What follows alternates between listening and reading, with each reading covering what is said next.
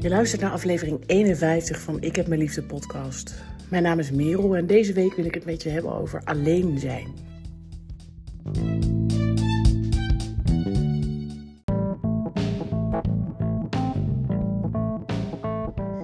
En voordat we de podcast induiken samen, wil ik reclame maken voor mijn boek Ik heb me lief, hoe ik mijn eigen reddingsboei werd. In het boek lees je mijn verhaal. En ik ga ongelooflijk met de billen bloot. Zo lees je bijvoorbeeld over mijn zoektocht naar de liefde. Uh, mijn lessen die ik leerde van mijn burn-out. Hoe ik heb leren leven en nog steeds aan het proberen ben uh, met een chronische en progressieve ziekte. In mijn geval is dat MS. En in het boek raak ik heel veel thema's aan. Het gaat over van jezelf leren houden, uh, een moeizame relatie met mijn ouders.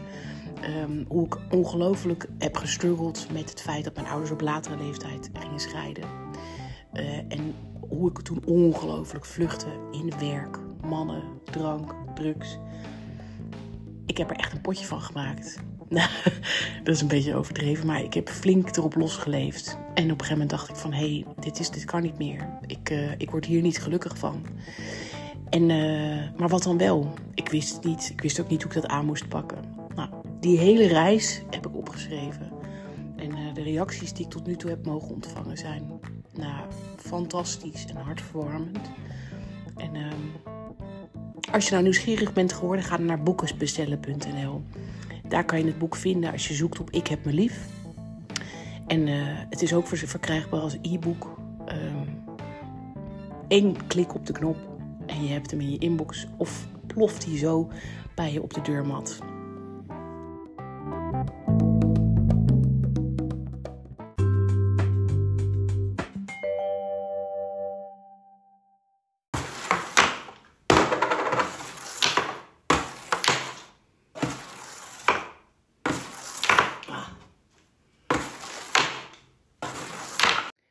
Herkende je dat geluid, wat ik aan het doen ben?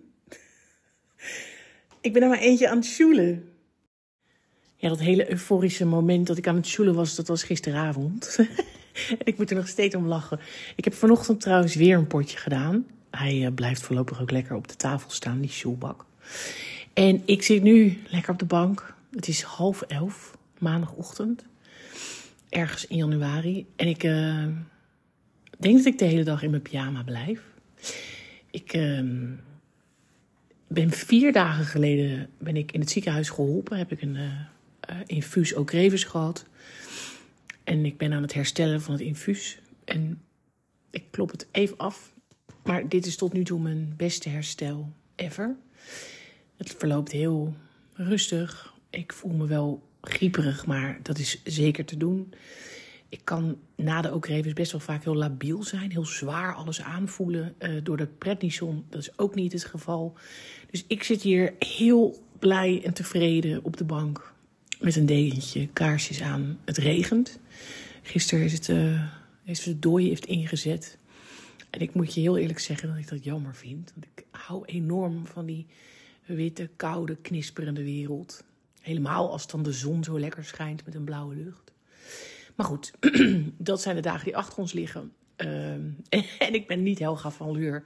Dus ik hoef het niet heel de tijd over het weer te hebben. En ik zei het net al even, ik zit alleen op de bank. En daar wil ik het ook met je over hebben. Over alleen zijn. En dan vooral over het um, toch wel oordeel wat we daar vaak met elkaar over hebben.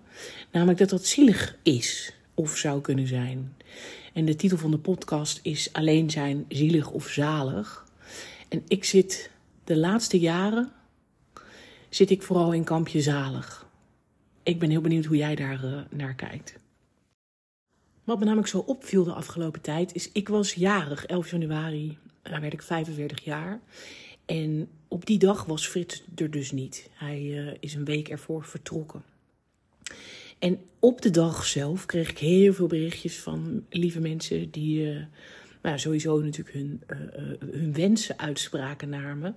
En toch ook allemaal bijna wel, of tenminste veel van hun uh, volgden dan wel van, nou ja, gefeliciteerd. Hè, ik wens je toch een fijne dag, zo ondanks dat Frits er niet is. Ik denk dat echt wel, nou, bijna iedereen dat zo heeft gezegd. En daar is natuurlijk niks mis mee, dat is heel lief. Maar ik ging daardoor wel eventjes, het viel me op, dat is het vooral. Dat ik dacht, oh ja, Frits is er niet. En mensen vinden daar dan dus blijkbaar wat van. Of ze maken zich dan een beetje zorgen. Of ze doen de aanname dat ik dat dan moeilijk vind. Of dat ik hem dan heel erg mis. En dat vond ik zo interessant, omdat het me ook deed realiseren hoe ik daar zelf uh, in ben veranderd eigenlijk. Ik denk een paar jaar geleden, toen ik nog uh, vrijgezel was, voor best een hele lange periode, zijn er heel veel momenten geweest waarop ik dat ook echt heb nou, gehaat. En dat ik zo graag met iemand samen wilde zijn. En dat ik het zielig vond voor mezelf dat ik geen partner had.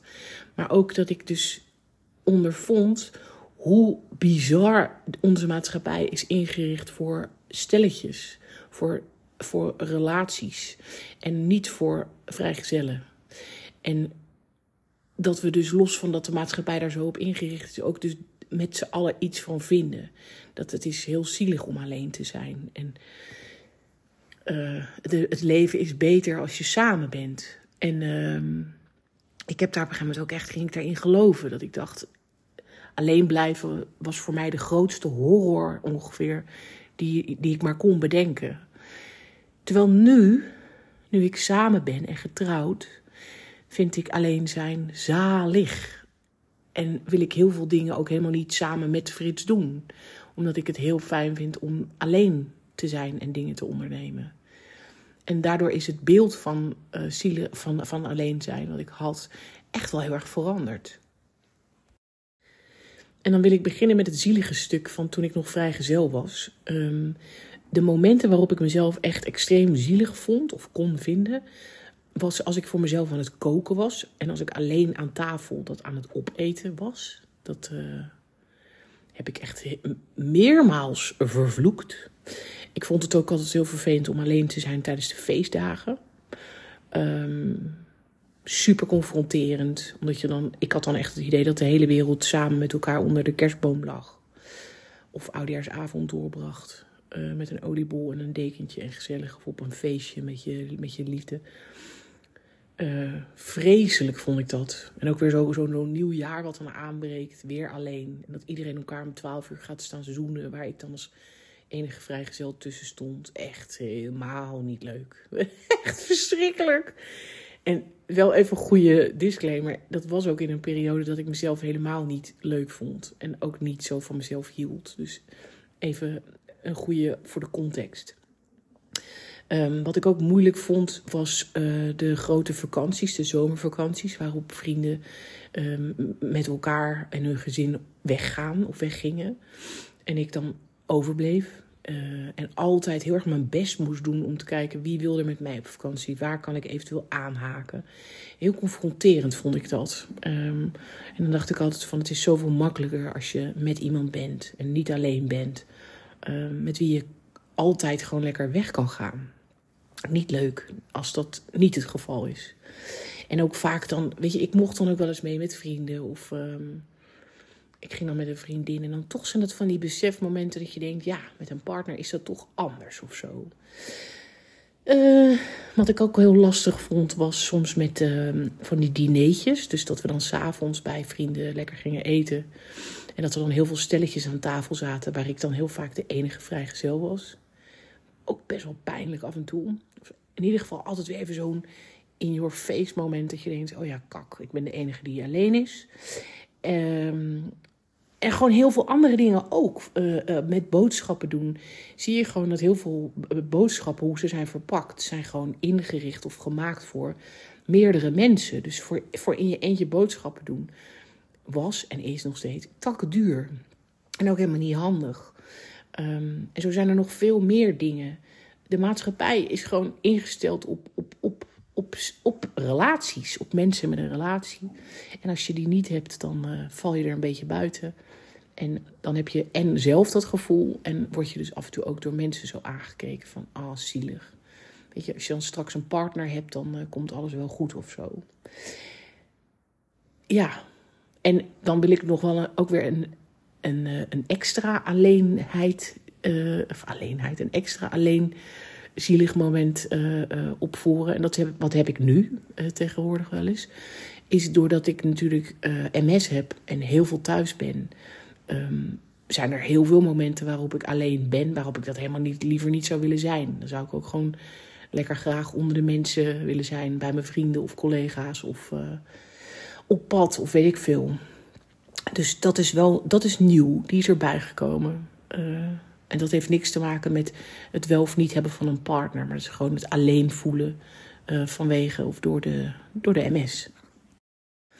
En waar ik het zielige stuk mee wil afsluiten, en dat dat meteen ook een leuke brug is naar het uh, zalige stuk, is ik heb toen ik dus nog vrijgezel was, voordat ik Frits ontmoette, was ik dus heel veel alleen en vond ik het heel fijn om uh, tussen en onder de mensen te zijn. Dus ik was toen heel veel bij mijn vrienden. Ik ging bijna elk weekend de hort op. Ik werkte toen heel veel, dus ik zat veel op mijn werk tussen collega's. En nou, dat vond ik zalig. Maar dan vond ik het dus heel vaak ook wel weer heel fijn om daarna naar huis te gaan. Om alleen te zijn en weer op te laden. Want ik ben zo introvert als je het maar kan bedenken. Dus ik loop leeg ook tussen mensen. Ook al vind ik het heel fijn om bij ze te zijn. Ik loop er ook op leeg. Dus dat is wel geinig. Hè? Dat aan de ene kant was ik dus alleen. Zocht ik mensen op om die verbinding te voelen. En om, nou, gewoon om, om gezellig samen te zijn. Om, om liefde te, te voelen en uit te kunnen delen. Tegelijkertijd snakte ik dan ook weer ernaar om alleen te zijn. En natuurlijk vond ik het dan ook niet altijd leuk om alleen thuis te komen. Och, vreselijk zelfs. Maar tegelijkertijd ook zalig om die stilte om me heen te hebben. En om weer op te kunnen laden van al die sociale activiteiten. En dat is dus nu, als je aan, nu aan mij vraagt, wat vind je ervan om alleen te zijn? Dan zeg ik gelijk zalig. En dan is wat ik dus net vertelde, dat opladen, is daar ook de grootste reden voor. Ik, uh, ik denk dat met alleen zijn, dat er dan, er gebeurt er zoveel bij mij. Dat ik kan ook wel onrustig dan zijn. Hè? Even dat ik moet wennen en terug moet schakelen. En uh, um, alsnog probeer bij mezelf weg te lopen. Uh, omdat ik het dan een beetje uh, nou, met dingen zit die ik lastig vind. Maar als ik dat eenmaal kan laten gaan, dan merk ik gewoon door tijd met mezelf door te brengen dat mijn hoofd leger wordt. Dat ik um, echt oplaad fysiek. Dus ik, ik krijg veel meer energie. Ik krijg leukere gedachten. Um, ook al raakt mijn hoofd dus leger. Uh, uh, bedoel ik met leukere gedachten dat ik veel positiever ben. En dat ik ook um, um, me veel creatiever voel. Dus er, er, is ruimte om voor leuke plannetjes en ideeën waar ik dan lekker op kan kouwen. ik vind het dan ook fijn om te schrijven en nou ja, om, om te tekenen en te schilderen op die momenten. Niet altijd, maar vaak wel. Dan is daar gewoon de rust ook voor.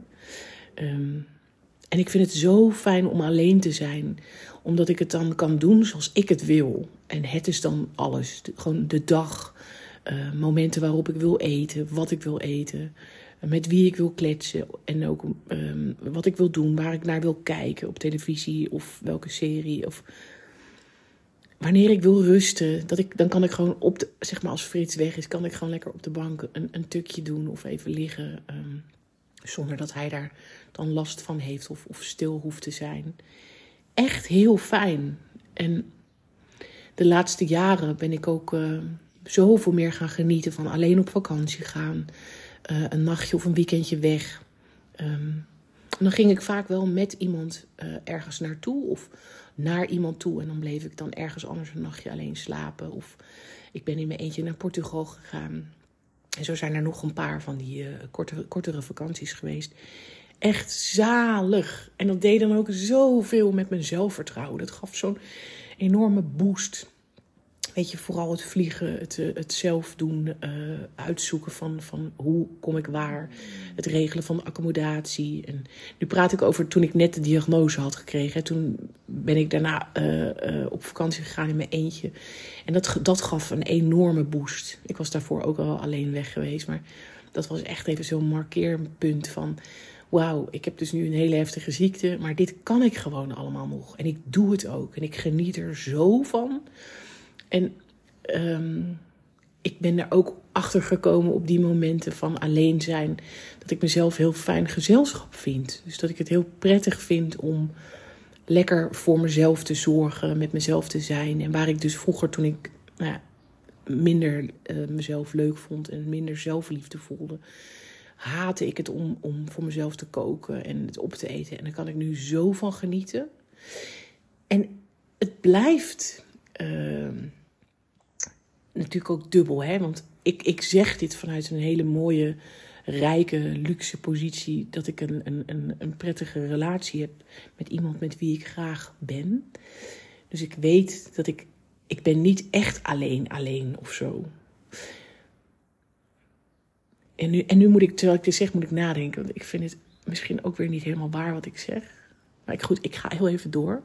En wat ik daarmee bedoel te zeggen is dus dat ik nooit echt het gevoel heb dat ik alleen ben. Dat ook al zit Frits aan de andere kant van de wereld, ik weet gewoon dat hij, hij er is een lijntje tussen onze harten. Dat is heel mooi en een hele fijne, geruststellende gedachte.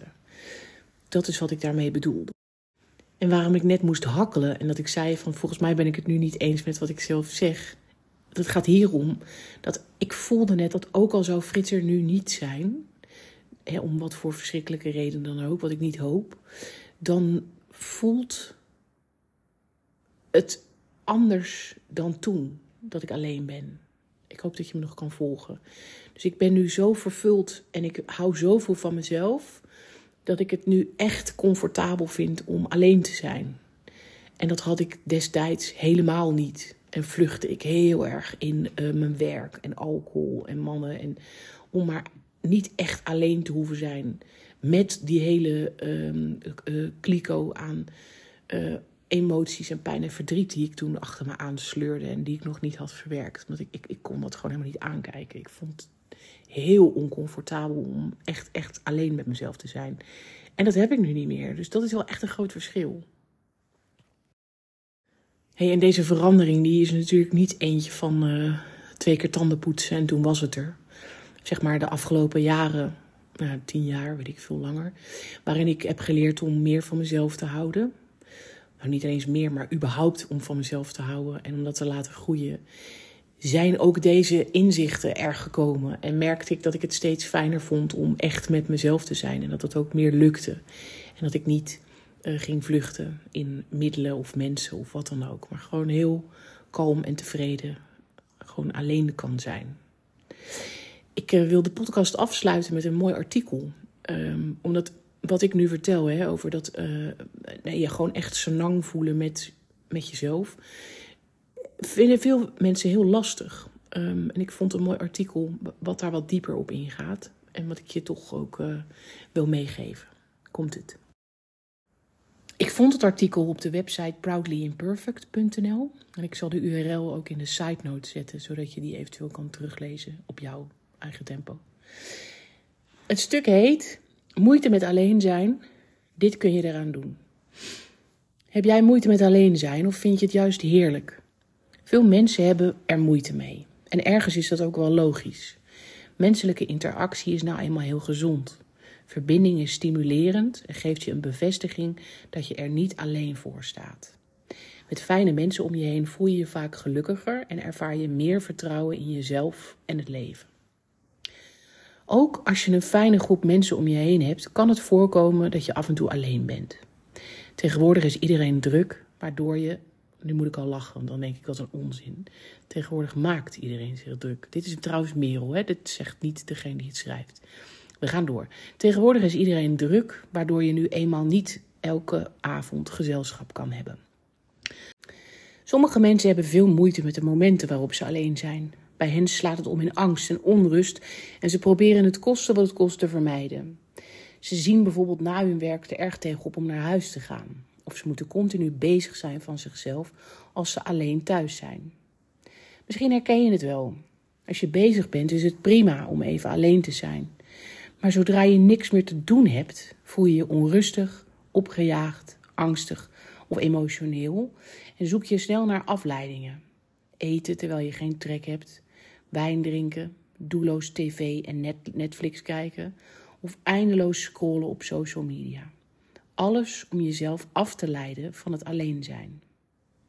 Als je moeite hebt met alleen zijn, weet dan dat het zeker niks is om, voor je, om je voor te schamen. Het is een heel menselijke reactie om te willen vluchten van het alleen zijn. Toch is het wel heel nuttig om te leren. En uiteindelijk is het voor jezelf fijner als je geen moeite meer hebt met alleen zijn. Je kan nou eenmaal niet van jezelf weglopen. Er komen hoe dan ook momenten dat je af en toe alleen bent. Je kunt dus maar beter leren om het fijn te hebben met jezelf op die momenten. Als je niet oefent met alleen zijn, raak je uiteindelijk steeds meer afhankelijk van anderen of van de dingen die je daarmee, uh, waar je jezelf mee afleidt, zoals eten, alcohol of werk. En uiteindelijk doe je jezelf hiermee flink tekort. En het belemmert jezelf om het leven te creëren waar je echt naar verlangt. Echt alleen kunnen zijn helpt je bovendien vooruit in het leven. Het voelt soms wellicht wat oncomfortabel, maar het is ook ontzettend leerzaam. Door alleen te zijn leer je jezelf beter kennen. Je ontdoet jezelf van invloeden en prikkels van buitenaf, waardoor je in contact komt met jezelf. Je hebt tijd om je gedachten te ordenen. Je leert beter te voelen en weet daardoor beter wie je bent, wat je wil en wat jou gelukkig maakt. Hierdoor ben je meer tevreden met wie je bent en wat je doet. Alleen kunnen zijn geeft je de ruimte om op een rij te zetten wat er allemaal speelt in je hoofd en hart, onder alle drukte van het dagelijks leven. Het helpt je om de juiste beslissingen te maken. Als je nooit alleen bent, of als je tijdens het alleen zijn continu vlucht van jezelf, is het lastiger om je eigen pad te bewandelen en keuzes te maken die echt bij je passen. De kans is dan groot dat je vroeg of laat crasht en denkt: ja, maar hier heb ik niet voor gekozen. Alleen leren zijn hoort bij volwassen worden. En dat proces doorlopen betekent dat je de confrontatie met jezelf en je angsten aan mag gaan. Als je oefent met alleen zijn, zul je de functie van het alleen zijn langzaam aan steeds als, meer als prettig gaan ervaren. Je krijgt letterlijk rust en ruimte, wat een contrast is met het drukke dagelijkse leven. Bovendien beoordeelt niemand je, dus je kunt doen en laten wat je wil. Uiteindelijk kom ook jij op het punt waarop je voelt dat het helemaal niet zo erg is om af en toe tijd door te brengen met jezelf. Maar om dat te realiseren heb je wel regelmatig te oefenen. De onderstaande tips en inzichten die gaan jou hierbij helpen. En dan komen er negen uh, tips en inzichten. Ik ga ze voor je voorlezen. Tip 1. Vraag jezelf af waar de moeite om alleen te zijn vandaan komt. Om beter alleen te kunnen zijn helpt het om te onderzoeken waarom je moeite hebt met alleen zijn. Er is namelijk een reden dat je niet alleen wil zijn. Vaak ligt er een angst of een oude pijn onder. Misschien ben je vroeger gepest en had je weinig vrienden. Het alleen zijn roept dan wellicht een gevoel van minderwaardigheid op. Of misschien vind je de stilte lastig of ben je bang voor je eigen gedachten en emoties. Als je weet, hè, als je dit weet of als je dit helder hebt, weet je waar je aan kan werken. En daarnaast wat je nodig hebt om het alleen zijn aangenamer te maken voor jezelf. De onderstaande stappen gaan je hierbij helpen. Tip 2. Oefen om alles toe te staan wat er is. Vind je het lastig om alleen te zijn omdat je dan moet dealen met onprettige gevoelens en gedachten? Of omdat je dan gaat nadenken over jouw leven en lastige gebeurtenissen? Misschien ben je diep van binnen niet gelukkig met jezelf, met je leven, je baan of relatie. Er is iets, maar je wil er niet aan denken en daarom zoek je continu gezelschap op. Toch is het er en blijft het sluimeren op de achtergrond als je er nooit naar kijkt. Problemen lossen zich niet op door ze te negeren. Wil je je echt gelukkiger voelen? In dat geval is het beter om te leren de confrontatie met jezelf, je gevoel en gedachten aan te gaan. En hoe je dat dan doet? Plan juist wanneer er veel gaande is in je leven momenten in waarop je alleen bent. Gebruik die momenten om bewust naar binnen te keren. Ga rustig zitten, focus op je adem en laat alle gedachten en gevoelens er zijn. Verval je in gepieker, keer dan meteen weer terug met aandacht naar je adem. Op het moment dat je je zo onrustig voelt dat je wil wegvluchten in actie, eten of afleiding, vraag jezelf eerst af: waar wil ik nu voor vluchten? Wat voel en ervaar ik nou echt? Sta jezelf toe op in het begin minimaal vijf minuten te voelen wat er in jou gaande is. Als je daarna nog wil vluchten in afleiding, dan doe je dat gewoon. Door het langzaam op te bouwen, leer je je angst voor je emoties en gedachten aan te gaan, zonder dat het je overweldigt. 3. Schrijf een dagboek. Soms is het heel saai om tegen niemand te kunnen praten. Je wil je verhaal kwijt, maar er is even niemand bereikbaar. Misschien weet je niet wat je moet doen en is je hoofd een chaos. Op zulke momenten helpt het om dingen van je af te schrijven. Wat wil je tegen een ander zeggen? Welke gedachten leven er in jou? Waar loop je tegenaan? Wat heb je meegemaakt? Schrijven in een dagboek helpt je om je gedachten te ordenen. Denk tijdens het schrijven niet veel na, maar laat de woorden op papier stromen. Soms komen er vanzelf de antwoorden en oplossingen waar je naar op zoek bent. 4. Zoek een hobby die je alleen kan doen. Waar word je echt blij van en waarmee vergeet je de tijd? Bepaalde, en dan staat er tussen haakjes creatieve activiteiten, helpen je op een, om op een leuke, toegankelijke manier je gedachten en gevoelens te uiten. Door met alle aandacht bezig te zijn met een activiteit, komt je hoofd tot rust, waardoor je toegang krijgt tot je gevoel. Dit kan bijvoorbeeld het beoefenen van een instrument zijn, tuinieren, lezen, tekenen, schilderen, bloggen, koken, schrijven of yoga. Heb je echt geen idee wat jou blij maakt? Vraag jezelf dan af wat je als kind deed. Tip 5. Oefen met selfcare. Besteed je tijd alleen om jezelf goed in de watten te leggen. Plan een date met jezelf in, waarbij je lekker voor jezelf kookt en je favoriete muziek opzet. Neem een voetenbad, gezichtsmasker of lak je nagels. Doe iets ontspannends en liefdevols voor jezelf. Het helpt ook om je eigen rituelen te ontwikkelen, die het alleen zijn aangenamer maken. Bijvoorbeeld jezelf insmeren met lavendelolie na het douchen, kaarsjes branden voor het slapen, etc. Op deze manier leer je de onrust om te zetten in ontspanning en zelfliefde. Bedenk van tevoren wat je gaat doen. Want door de onrust van het alleen zijn kun je soms niet goed bedenken waar je zin in hebt. Spreek met jezelf af dat je ook echt dat gaat doen wat je van tevoren hebt bedacht. Kun je geen motivatie vinden? Nou, lees dan dit blog nog eens een keertje. Uh, tip 6. Geniet bewust van alles wat je doet. Als je eet, wijn drinkt, Netflix kijkt of op Instagram scrolt, doe je dit dan bewust met een intentie en geniet je er dan echt van? Of doe je het vanuit onrust en om te vluchten van wat je voelt? Als je je daarop betrapt, keer dan met je aandacht terug naar je adem en voel bewust wat er in jou leeft. Neem daar even de tijd voor en ga vervolgens iets doen waar je bewust voor kiest. Focus je hier volledig op. Zet eventueel je telefoon uit, hierdoor kom je veel beter in een flow. Dit is mindfulness, in het nu aanwezig zijn. Dus een goede tool om rust te brengen in de onrust van het alleen zijn. Tip 7. Verhaaltjes van je mind. Voelt alleen zijn voor jou heel dramatisch, alsof je heel eenzaam en alleen op de wereld bent? Vraag jezelf dan af of je echt eenzaam bent of dat het een verhaaltje van je mind is, dat jou een eenzaam, verdrietig en onrustig gevoel geeft.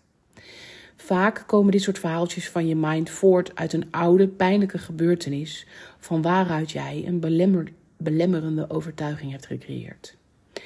Overtuigingen zoals: ik ben niet waardevol genoeg als ik alleen ben. Of niemand ziet mij staan en niemand geeft om me, anders zou ik niet alleen zijn nu. Die belemmeren jou om prettig met jezelf alleen te zijn. En de laatste tip, tip nummer 8. Ken het verschil tussen eenzaamheid en alleen zijn. Het is ook goed om te weten dat er een verschil zit tussen echt eenzaam zijn en alleen zijn. Alleen zijn is vaak een bewuste keus. Je hebt in je dagelijks leven voldoende sociale contacten en goede vrienden waar je een connectie mee voelt en die voor je klaarstaan. Eenzaamheid is vaak geen bewuste keus. Als je echt eenzaam bent, heb je in het dagelijks leven een gebrek aan sociale contacten of aan een echte verbinding met gelijkgestemden. In dat geval helpt het om nieuwe vrienden te zoeken en te leren verbinding aan te gaan met mensen. En dan zeg ik nog daarbij als aanvulling dat het dus ook echt onwijs helpt om de verbinding met jezelf te herstellen. Ook als je je eenzaam voelt. Ik geloof echt dat we daar zelf ook best wel iets aan kunnen doen. Niet alles, maar wel veel. Dit was het stuk. Het is geschreven trouwens door, even haar naam bekijken, uh, Sabina van Roest. En nogmaals, ik zet de URL in de side note. En weet je wat ik nou zo tof vind om te merken nu? Um, ik, ik sloot net mijn persoonlijke stukje af. Uh, door je te vertellen dat ik best een behoorlijke reis heb afgelegd hè, hierover. Dus eh, sowieso om van mezelf te leren houden. En dus ook om comfortabel te zijn met het alleen zijn. En dat dan de stappen of de tips die je hier ziet, dan denk ik, ja, dat heb ik inderdaad ook allemaal gedaan. En dat doe ik nog steeds, want ik word ook nog steeds af en toe gefukt met verhalen die ik in mijn mind heb hè, over eh, wat er dan gebeurt. En dat is ook precies waar, waarom ik een beetje, zeg maar, ging wankelen op mijn verjaardag. Dat mensen zo zeiden van, nou ja, eh, we hopen dat het wel leuk is zo zonder Frits. En dat ik dacht, oh jeetje, ja, nee, dat, is dat inderdaad niet zielig dat ik dan nu alleen ben? En dat ik ook echt heel erg weer me realiseerde van, is dat van mij of is dat van een ander? Of laat ik me nu iets aanpraten? Of terwijl ik echt toen bij mezelf dacht, nee, ik heb een hele fijne dag. Ik ga vanavond eten bij een, een, een lieve vriendin. Het was prachtig weer op mijn verjaardag. Ik heb een hele mooie wandeling gemaakt waar ik heel veel zin in had. Ik was moe, dus ik heb veel gerust. Dus ik heb gewoon gedaan waar ik de meeste behoefte aan had op die dag. In mijn eentje. En ik sloot hem s'avonds af met een vriendin. Wat een rijkdom. Ik zeg, uh, dit was hem, Toedeledoki. Wat leuk dat je hebt geluisterd tot hier. En uh, tot volgende week.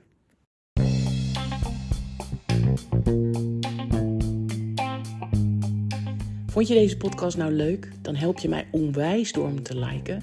En beter nog, abonneer je op deze podcast in je favoriete podcastkanaal. Als je dat doet, wordt die beter gevonden en kan ik steeds meer mensen bereiken. Lijkt me zo tof. Dankjewel.